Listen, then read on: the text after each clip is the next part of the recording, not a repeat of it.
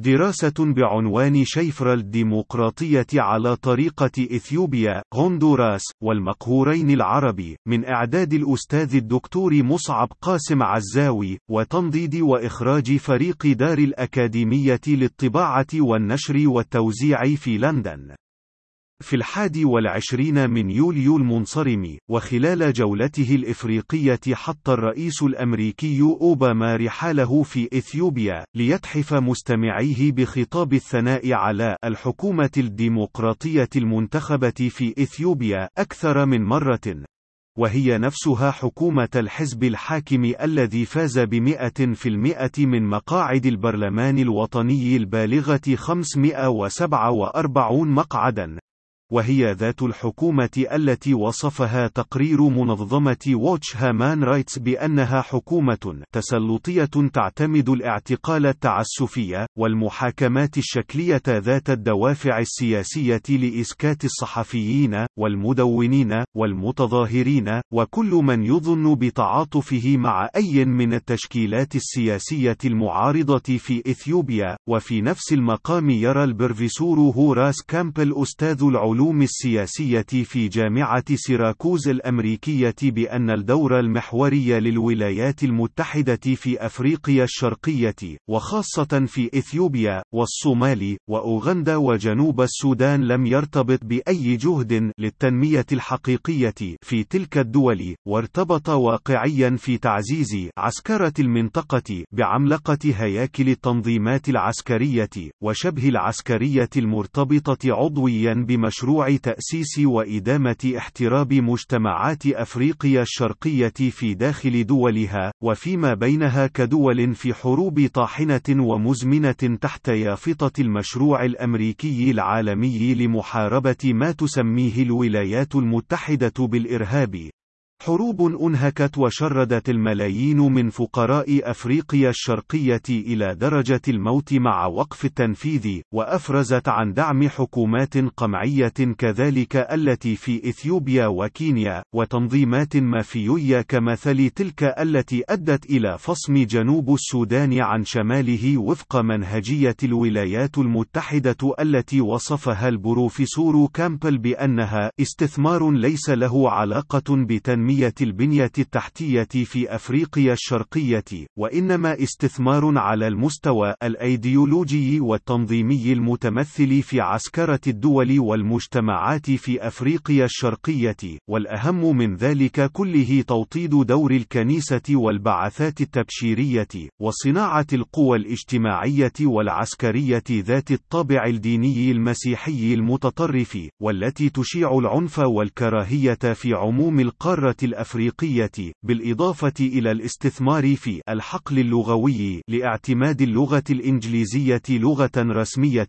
وهو الذي أثمر عن هوية هجينة لجنوب السودان الذي لم يعد قادة ميليشياته قادرين على التحدث بلغة عربية أو إنجليزية سليمة في الحدود الدنيا لكلتيهما، وعلى الطرف الآخر من الكرة الأرضية في أمريكا الوسطى، وفي هندوراس تحديدا، يسير عشرات الألوف في مسيرات شعبية كما لو أنها استنساخ من المشاهد الملحمية لشباب الربيع العربي في سورية، ومصر، واليمن، تطالب برحيل نظام الرئيس خوان هيرناندز الذي جاء بانقلاب عسكري مبرمج ومدعوم من قبيل إدارة الرئيس أوباما ووزيرة خارجيته هيلاري كلينتون آنذاك في العام. 2009 على الرئيس الشرعي المنتخب ديمقراطيا مانويل زيلايا السبب الظاهري لانتفاضة جحافل الشعب في هندوراس على الرئيس المدعوم أمريكيا هو كشف الصحفي ديفيد روميرو استخدام الرئيس هيرنانديز لحوالي 400 ألف دولار أمريكي من الأموال العامة العائدة للشعب المفقر لحملته الانتخابية التي فاز بها مؤخرا.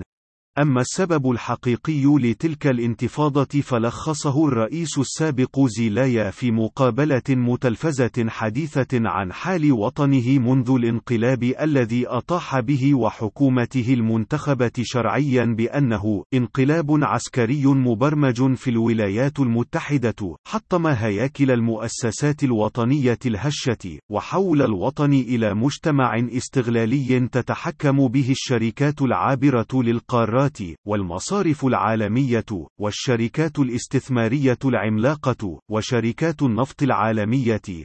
مجتمع يقوم على الفساد السياسي والاقتصادي، وعلى إرهاب المجتمع بقوة الأجهزة الأمنية والعسكرية، والاعتقال التعسفي. نظام أمني لم يوفر فساده الهيئات القضائية الوطنية التي تحولت وظيفتها من حماية حقوق المواطنين الأساسية والدستورية إلى أداة لتنفيذ الأجندات السياسية للنظام الأمني العسكري في قمع كل المعارضين له، ويحق للمتلقي العربي أن يتساءل ببديهية عن أي خطل أو زلل في الاندهاش من التطابق الواقعي للومضتين الديمقراطيتين على الطريقة الأمريكية في إثيوبيا وهندوراس مع قريناتهما المشخصة في التراجيديا العربية الراهنة في غير موضع من انكفاء الربيع العربي.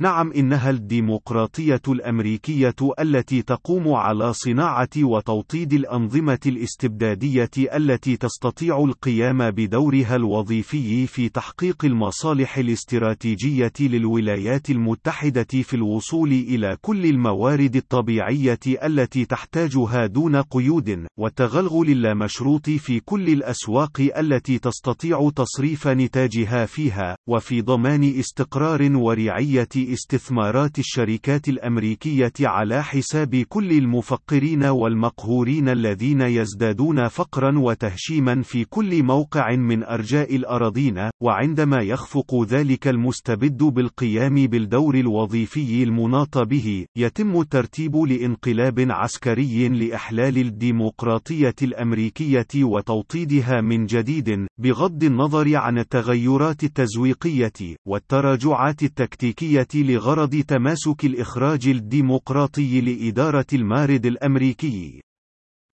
أما في حال عدم توفر الشروط الملائمة لتحقيق تلك الإرادة مرحليا، فيتوجب حينئذ دفع أبناء الشعب الواحد عنوة إلى سعار الاقتتال والاحتراب الأهلي، إلى أن ينال منهم الوهن واليأس الجمعي المطلقين من اهتلاك الوطن وكل ما يرتبط به من بنيات مؤسسية، فتصبح الحال حينئذ صالحة لتصنيع المستبد المخلص لأولئك اليائسين في سياق حبكة درامية مهولة، يقف الغول الديمقراطي الأمريكي في كواليسها، أو في واجهتها حسب السياق الإخراجي الأكثر إقناعًا للمتفرجين، والأكثر قدرة في تسريع تحقق الأهداف الاستراتيجية الآنفة الذكر، والمناط بذلك المستبد المخلص قيادتها بسرعة الصوت أو الضوء من حيز الوجود بالقوة إلى حيز التحقق بالفعل حسب توصيف توصيف فلسفة العقل للألماني هيجل، ولأن العقل يقتضي أيضا ألا يلدغ صاحبه عشرات ومئات المرات من الجحر نفسه، فأما آن للعقل الجمعي لكل أولئك العرب المقهورين أن يعقل شيفر الديمقراطية الأمريكية العابرة للقارات، لندن في الخامس من شعبان 2015